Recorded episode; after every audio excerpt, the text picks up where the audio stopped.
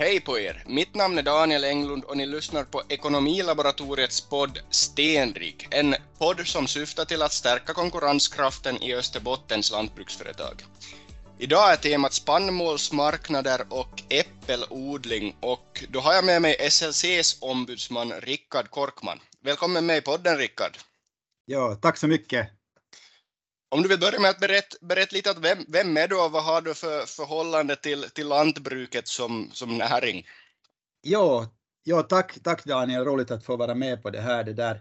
Jo, jag är ju alltså, jag jobbar ju som du sa ombudsman på SLC, jag jobbar ganska länge, redan sedan 1997 på hösten. Så haft en fin möjlighet att få insyn liksom i, i lantbrukets intressebevakning och, och det där. Ja överhuvudtaget jordbruksfrågor. Och sen är jag jordbrukare själv också i, i det där i, i Kyrkslätt och Esbo. Och det där och, och det där. Jag har en sådan agronomutbildning från Helsingfors universitet liksom i, i botten där då sen, sen det där så. Så mycket kring jordbruk alltså för, för, för, för min del. Och, jo, jo, och jag bor, bor, i es, bor i Esbo, Esbo det där själv. Ja, ja, precis. Ja. 97 är ju länge sedan 97, eller åtminstone ganska länge sedan. Ja, det är jättelänge sedan. Ja, så är det nog en lång, lång, lång erfarenhet faktiskt. Ja, no, hur ja, ser det här ditt ar arbete sant. som ombudsman ut då? Det är ju, är ju ganska, om du har varit det sedan ja, 97. Och ja, det är ju kanske det, ja det är, det är sant och det har kanske lite ändrats under det där, de, de här åren också att egentligen så började i tiderna liksom de med, med ganska mycket tyngdpunkt på det här EU-intressebevakning. Ja, och, och, det där, då var ju liksom vårt EU-medlemskap liksom i färskt, färskt minne så att säga. Och, och det där. Men sen med åren egentligen, kanske under de senaste tio åren så har vi liksom inom SLC konstaterat att det är viktigt att vi jobbar med de här marknadsfrågorna. Ja, ja, och då har ja. de fallit liksom ganska mycket, mycket på mig och, och, och, just det som vi nu har lite som tema idag också, det här med spannmålsmarknaden. Och, och, ja. och jag tror att det, det är jätteviktigt liksom att inse det som jordbrukare att, att med stödpolitiken, eh, stödpolitiken är otroligt viktig i grunden för, för jordbruket i Finland, men det löser inte liksom det här, våra utmaningar, utan, utan om vi ska klara oss i jordbruket i Finland så då betyder det att vi måste vara bättre på det här med marknad och vi måste samarbeta mm. mera och det där och, och, och kunna läsa marknaden och, och, och, och, veta hur den fungerar helt enkelt. Så, ja, så måste, där... måste vara en marknadsorienterad eh, ja. produktion och inte som vi hade, hade, hade tidigare. Ja. Före, före, före 95. Som jag, nu, är, nu är jag lite yngre än dig, men visst hade vi något som heter maataloustulolaki och man bestämde ja. de här priserna ganska, ganska, ja. ganska, ganska precis vad de skulle vara, eller, eller ett intervall kanske, eller hur det var. Ja, men, men, att, ja, ja. ja. men alltså det finns ju ingen återgång till någonting Nej. sånt, utan, utan tvärtom så vi lever ju alltså på en öppen global marknad. Ja. Och, och, och, och, det där, och priserna bestäms liksom, också våra priser så bestäms liksom inte egentligen i Finland. Det delvis förstås i Finland för att det beror också på hur produktionen ser ut i vårt eget land, men, men liksom den här kan vi säga, prisnivån så läggs ju liksom i Chicago och i Paris kan ja. man säga liksom på de här börserna. Ja. börserna. Ja. ja, precis. Vad tänker du då jag säger de tre orden lantbruk, lönsamhet och Österbotten? Ja, nu får jag ta dem så här en för en. Ja, ja ta dem en för en bara. ja.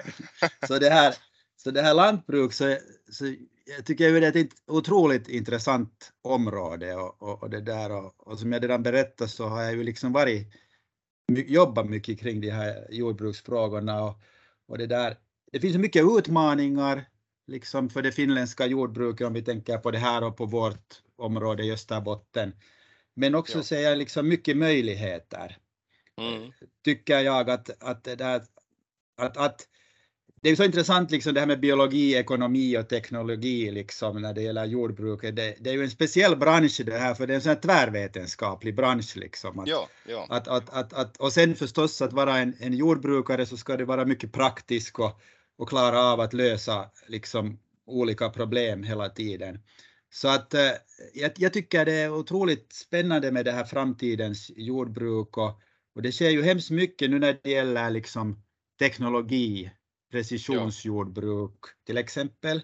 Och, och, och, jag hoppas att det, vi hittar de här lösningarna också för sådana mindre gårdar som, ja, som liksom vi har i vårt land. Och, och sen mitt specialintresse kanske också de här jordbrukets miljöfrågor. Jag tycker de är hemskt okay. spännande. Alltså förstås det här med, med att hur vi håller näringsämnena på åkern, alltså det här eh, hanterar de här näringsutsläppen. Sen förstås den här klimatfrågan där jag ser på riktigt liksom att, att eh, vi bör vara jätteaktiva som jordbrukare att fundera att hur vi kan för vår del liksom ska vi säga påverka de här klimatutsläppen och, och, och med våra, ja. och utveckla våra odlingsmetoder. Och sen har vi ju den här med biodiversitet också som ja. också, och jag tror alla de här är jätteintressanta och de flesta odlare är jätteintresserade av de här frågorna också. Men sen ja. när vi tar det här lönsamhet, så kort sagt kan man väl säga att det är kämpigt på ja. riktigt. Jag vet ja. inte, jag kan inte liksom säga så mycket mer egentligen om det. Nej.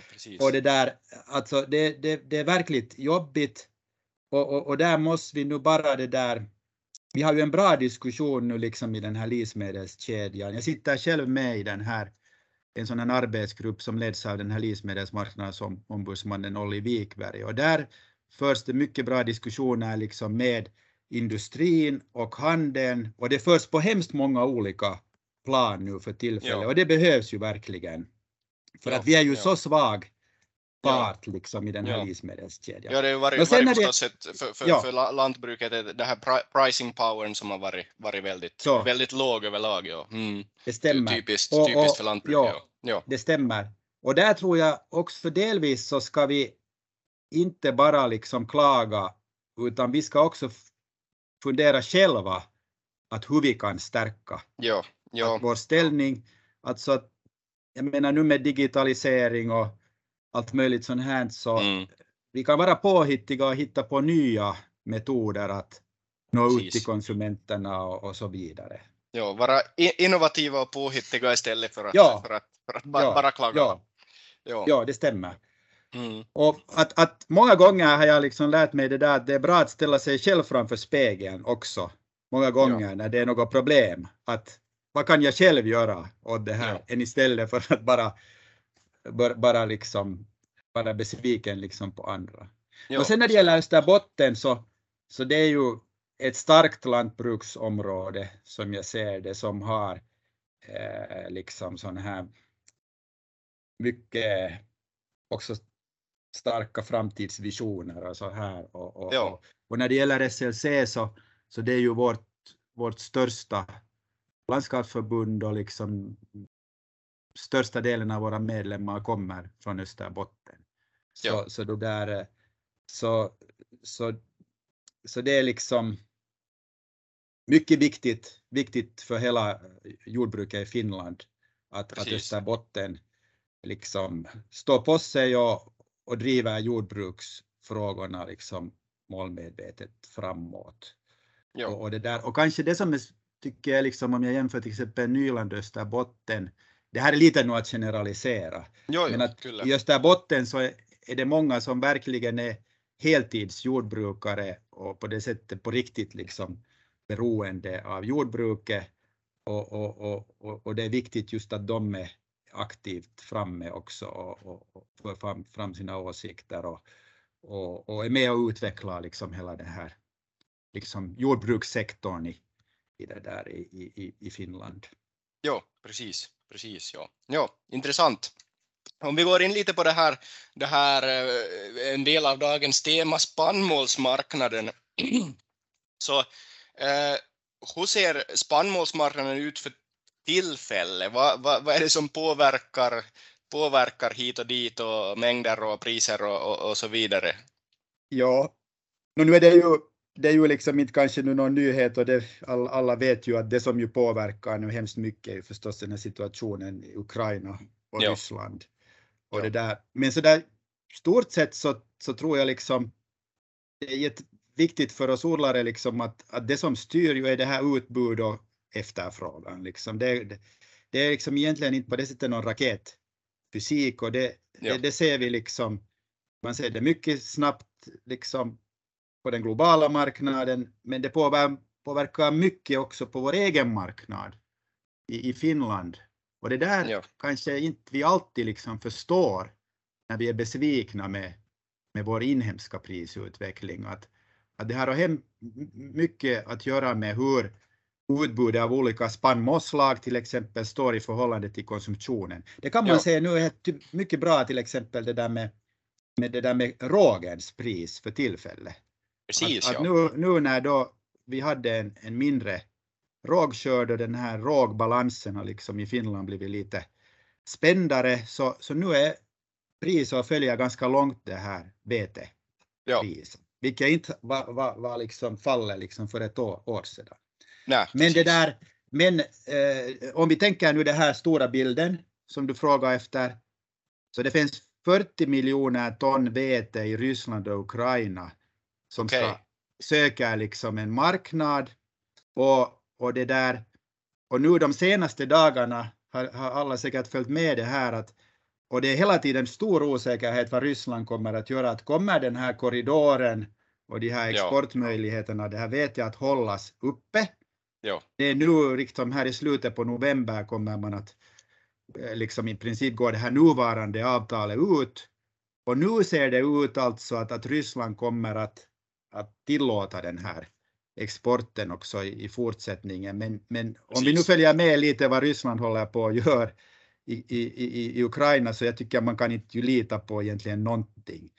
Så det betyder liksom det här när du säger att, att, att hur ser priser ut och så här så det är nog otroligt svårt att förutspå liksom. Ja, ja. Men, men det men beror ganska långt här, på den här Ukraina-krisen. Ja, ja, det stämmer. Men att det som liksom eh, nog, jag, jag, tror att, att de här priserna kommer ju att hållas nog på det här minst det här 300 euro tonnet i de här, ja.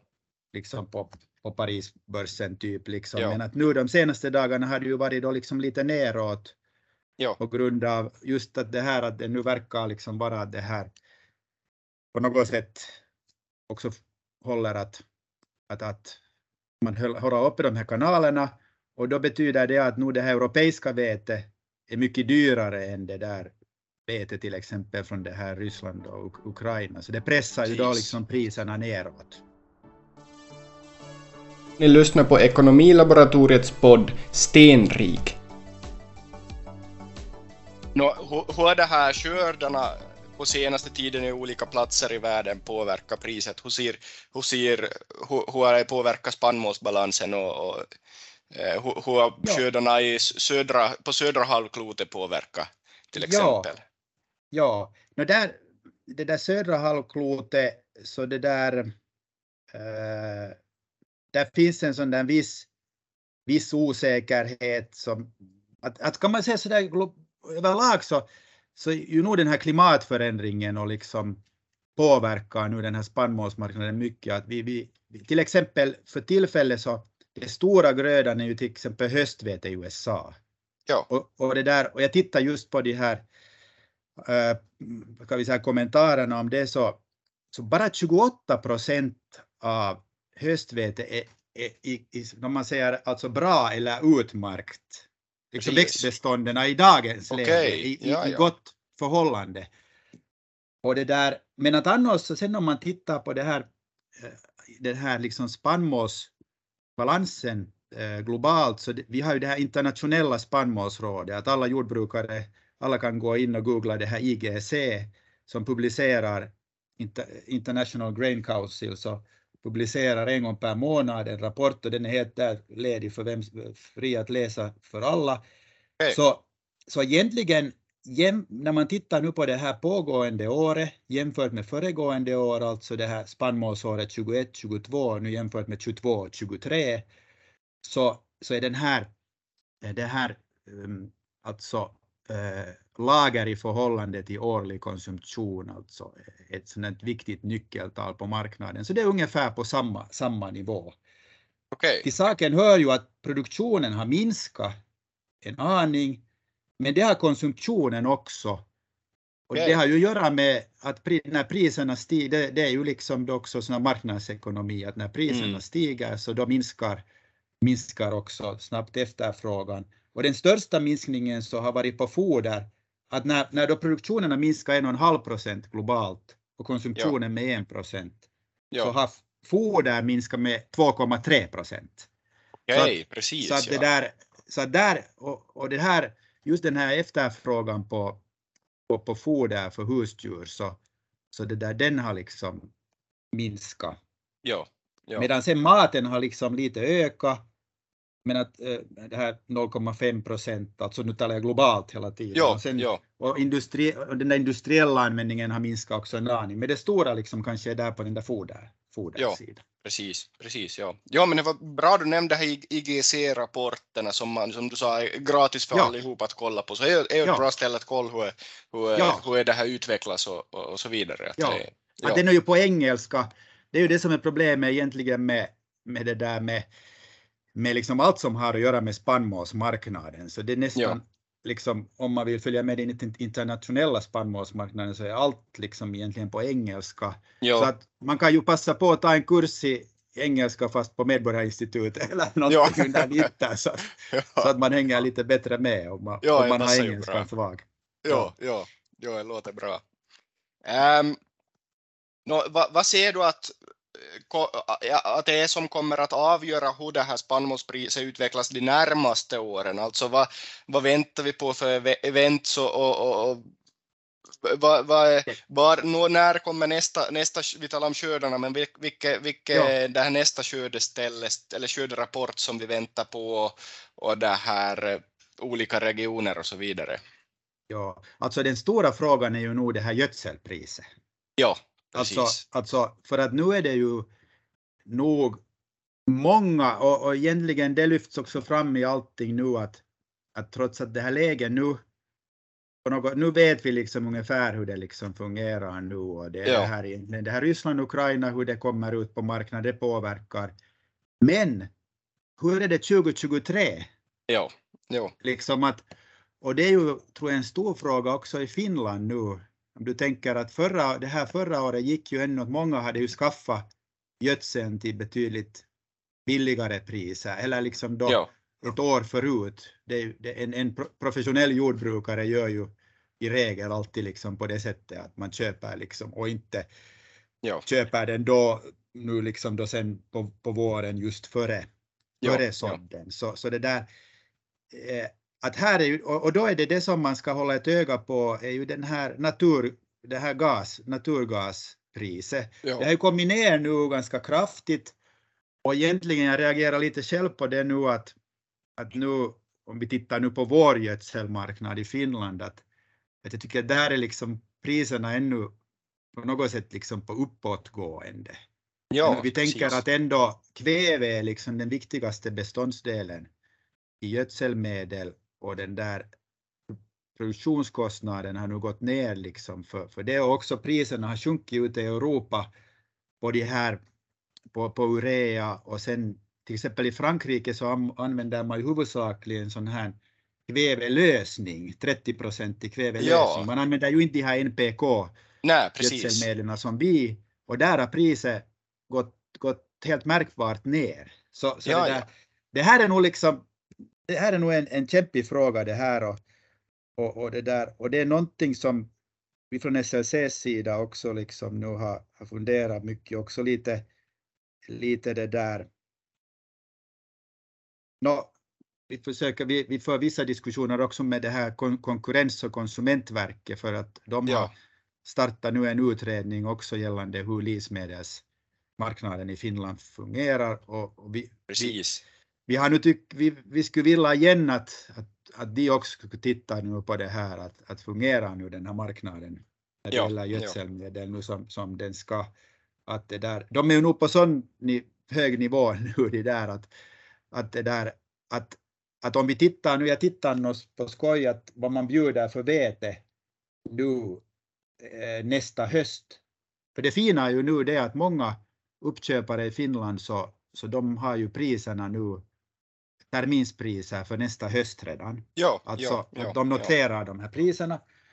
Så det där, det, en, en aktör nu så, så låg det nu på 290 euro tonnet och, och det där mm. och, och, och, jag tycker att, att det, det, det, det, är ganska tufft liksom att få de här kostnaderna, kostnaderna täckta. Med, med, med ett sånt pris, ja. Ja, ja. Mm, ja. Mm. ja. ja. intressant. Det kommer ju om, om, om prisutvecklingen på spannmål ser liknande ut så kommer det ju troligtvis till minskas det här, det här efterfrågan på gödsel också, eh, i Finland ja. åtminstone. Ja. Så, men jag vet inte, är, är det tillräckligt, är Finland tillräckligt stort, stor, stor ska, skara för att det ska påverka priset? Eh, kan inte jag säga åtminstone, men, men nej, det är en intressant nej, fundering. It, it, it, ja, men att, men att, men att egentligen så, så det, det som är bra att förstå om gödselmarknaden, eller har jag nu kunnat liksom på något sätt lära mig att förstå att, ja. att det är ju liksom efterfrågan som styr som du säger också ja. gödselpriset, på samma sätt som spannmålspriset. Att, ja. att det, det har inte nödvändigtvis att göra liksom med, med de här produktionskostnaderna. Ja, utan nej, utan nej. Det, det, det är det som, det som styr där. Ja, Så att ja. Där. Precis. Ja, intressant. Eh, om vi då går lite mer in på det här, ditt äh, egna lantbruk. Äh, du har ju spannmålsodling äh, ja. och, och det här i Esbo och Kyrkslätt sa du, men då har du ju äppelodling också. Skulle du vilja berätta lite mer om den här äppelodlingen och vad, ni har väl en ganska speciell affärsmodell på det här? Ja. Vad, kan du berätta ja, lite mer om det här? Ja. ja, gärna. Jo, alltså det var så att jag, om, om jag berättar lite det här, det är bra liksom att på något sätt, man ska lära sig av sina misstag om vi säger så. Ja. Det, det, är bra liksom, man ska, man ska inte vara rädd att göra misstag tror jag, det är liksom, eh, bara man lär sig något av dem. Så, så jag, jag började ju med odling av äpplen eh, redan alltså 96, alltså hade jag en sån liten odling, men jag gjorde liksom, jag, jag visste nog inte alls vad man skulle göra, ska jag säga så. Och det där och, och gjorde liksom egentligen alla tänkbara fel tror jag som man kan göra, göra som det nu ofta kan vara med en ny gröda. Och det där, och sen, sen beslöt jag alltså 2011 då att, att det där att, att, att, att då skulle jag antingen röja den här gamla odlingen, alltså odlingen var ungefär en hektar, eh, eller den var de facto lite större då, men att den här nuvarande odlingen är ungefär en hektar. Ja. Och då beslöt jag liksom bara för mig själv att okej okay, att, att det där, att nu ska jag liksom dra lärdom av mina misstag och nu ska jag försöka göra det så bra som möjligt alltid. Ja. Ja, och det hade att göra både med det här anlägg, anläggningen av, av odlingen och, och hela den här planeringen av, av, av, av hela det här trädgården och där fick jag stor hjälp av det här Fredrik Björklund som, som jobbar på det här finska hushållningssällskapet. Okay. Och det där, då, då som rådgivare och egentligen den enda äppelrådgivaren liksom på fast, fastlandet. Så, så det var bra och vi var och tittade i Sverige och, och, och hur de... Så den är anlagd enligt sån här moder, modern tätplanteringsteknik, ja. alltså de är, det, vanligtvis är det fyra meter mellan raderna men jag har liksom fem meter, det är lite bredare, en meter okay. mellan plantor och, och det, det är sådana svagväxande träd och, och det där och, grundstam och uh, med en meters mellanrum så att säga och, och, och, och, så höjden är ungefär 3,20 att man de yes. växer inte, man beskär dem ner till det Jo, jo, Men jo, att det där, samtidigt som man, när man, om man ska anlägga en äppelträdgård så det tar två år, man, man beställer plantorna, det finns ju inte liksom så där att du går till butiken och Nej. köper liksom plantor och, och, det där och det tar två år. Och två år liksom före du, för man, man planterar tvååriga plantor i dagens läge för att ja. det är så mycket risker i den här planteringen att förr så kunde man plantera ettåriga plantor men för att man ska få dem snabbare i produktion och liksom på ett sätt förlora mindre om det händer någonting så, ja, ja. så satsar man på högklassiga plant, tvååriga plantor och, och det där och, och så Precis. gjorde vi här också. Nå, samtidigt då, alltså poängen nu jag kommer till den här affärsmodellen var det att, ja. att när, jag hade ju två år då på mig och då konstaterade jag att okej, okay, att nu ska jag också fundera det här för att som vi alla vet som håller på med någon typ av specialodling, speciellt är det att en sak är ju att odla, men du ska också sälja den där. Jo, jo, jo, jo, jo att det, det är liksom en idé. och, ja, och när det var liksom en så här liten odling, eh, om man ska använda den där liksom konventionella försäljningsmodellen så jag, i Sverige har man gjort intressanta liksom utredningar. Man talar om 3 till 4 hektar.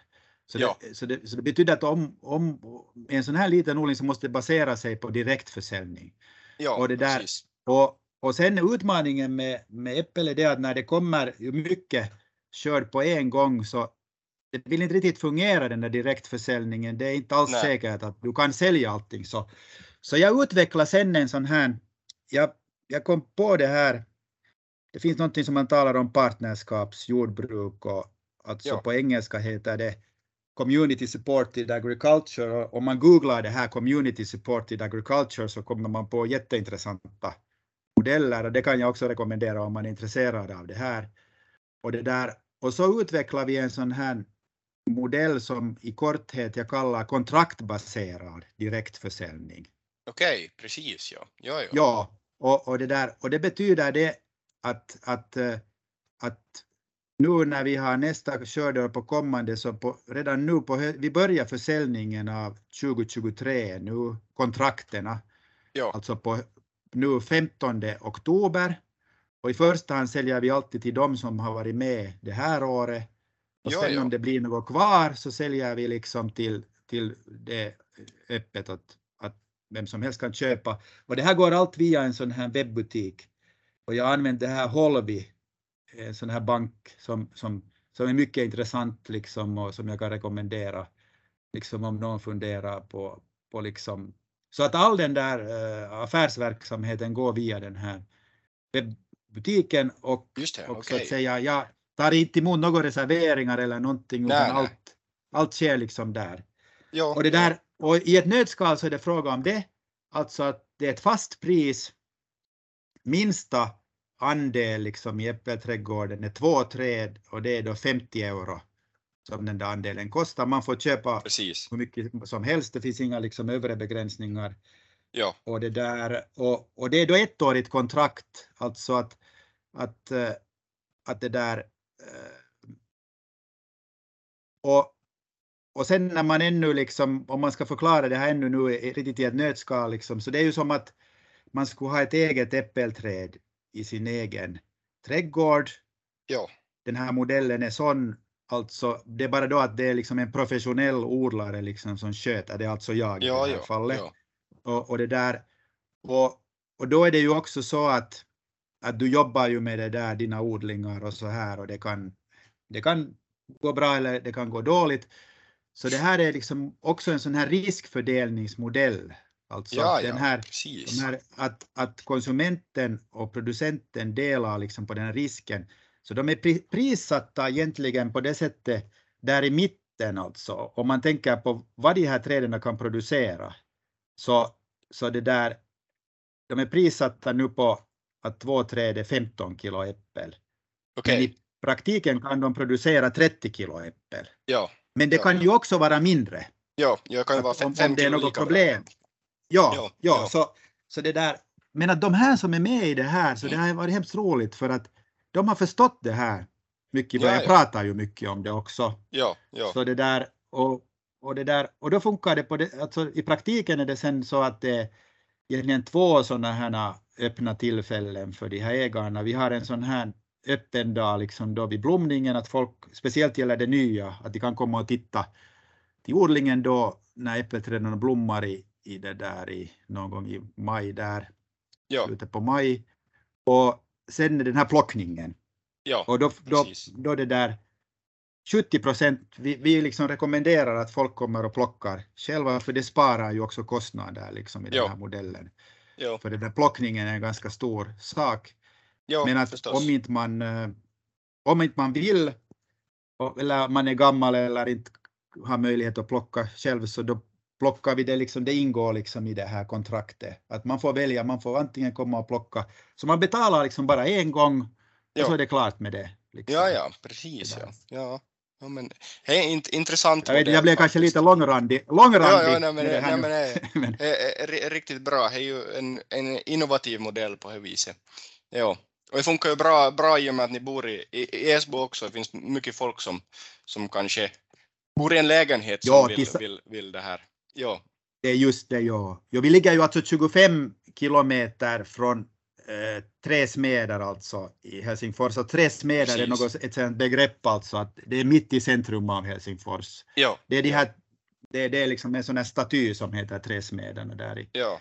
i, i, i centrum av Helsingfors. Så vi, vi, vi ligger ju verkligt nära här. här ja, där. Precis, precis. Vi har inom 10 kilometer så har vi 70 000 eh, invånare.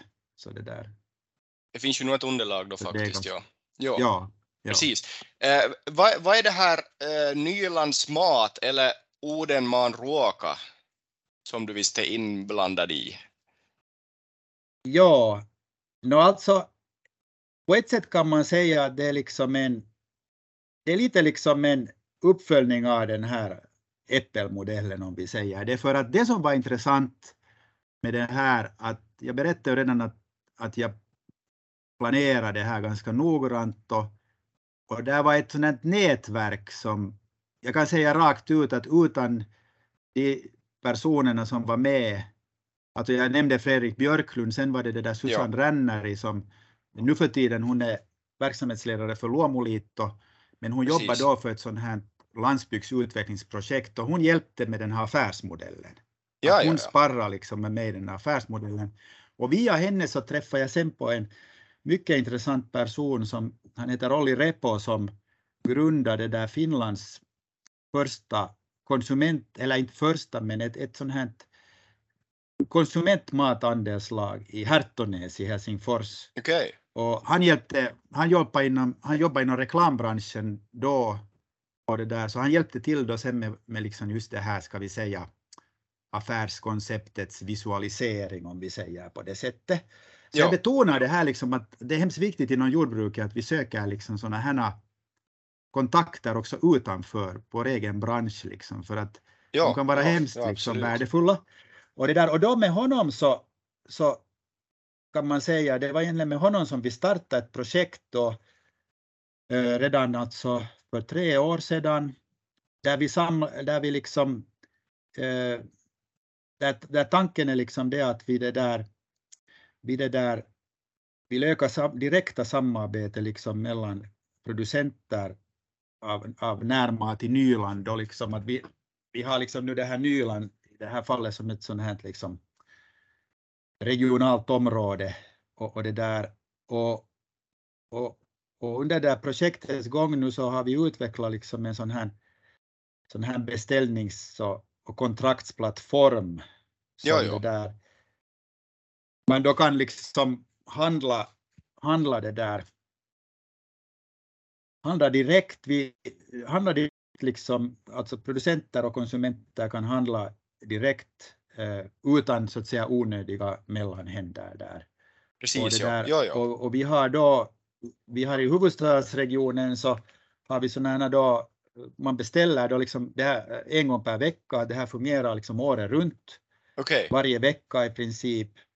Och, det där, och så levereras de här varorna då till sådana här avhämtningsställen som det där sen är låsta och, ja. och, och som man, man, det där, man använder liksom sin, man har den här appen eller den här, ja. den här beställningsplattformen liksom i sin telefon och när du kommer sen för att avhämta dina saker så öppnar du det låset liksom med den här telefonen. Ja, ja, att vi använder så elektroniska lås. Ja, så att. Så att den, den, den liksom, man, kan, man kan så att säga administrera den liksom med mycket låga, låga kostnader på det ja. sättet.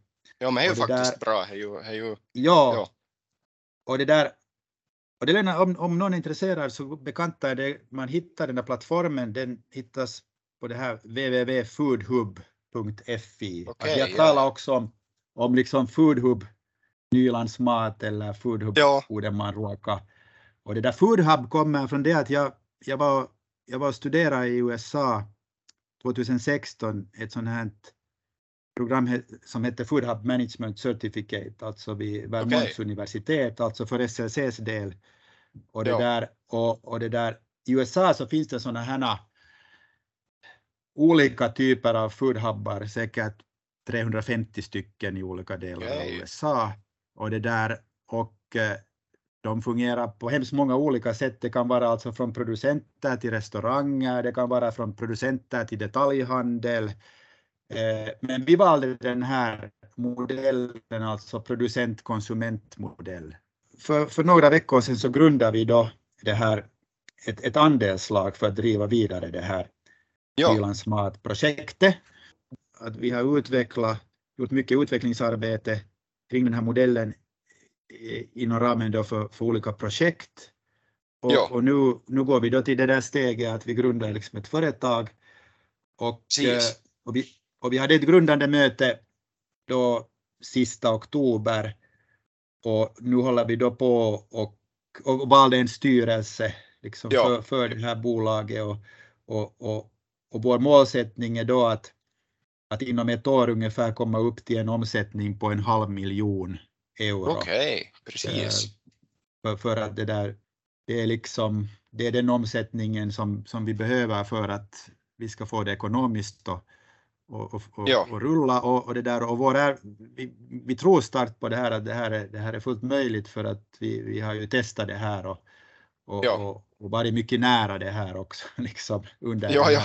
projektperioden. Den har ju liksom fungerat helt i praktiken den här, den här beställnings och kontraktsplattformen liksom under ett par år. Så den, den ja, ja, ja. Och, och, vi, har, vi har ett nyhetsbrev som går ut till 2000 personer och vi har ja, ungefär ja. 500 personer som använder den här tjänsten mer eller mindre regelbundet.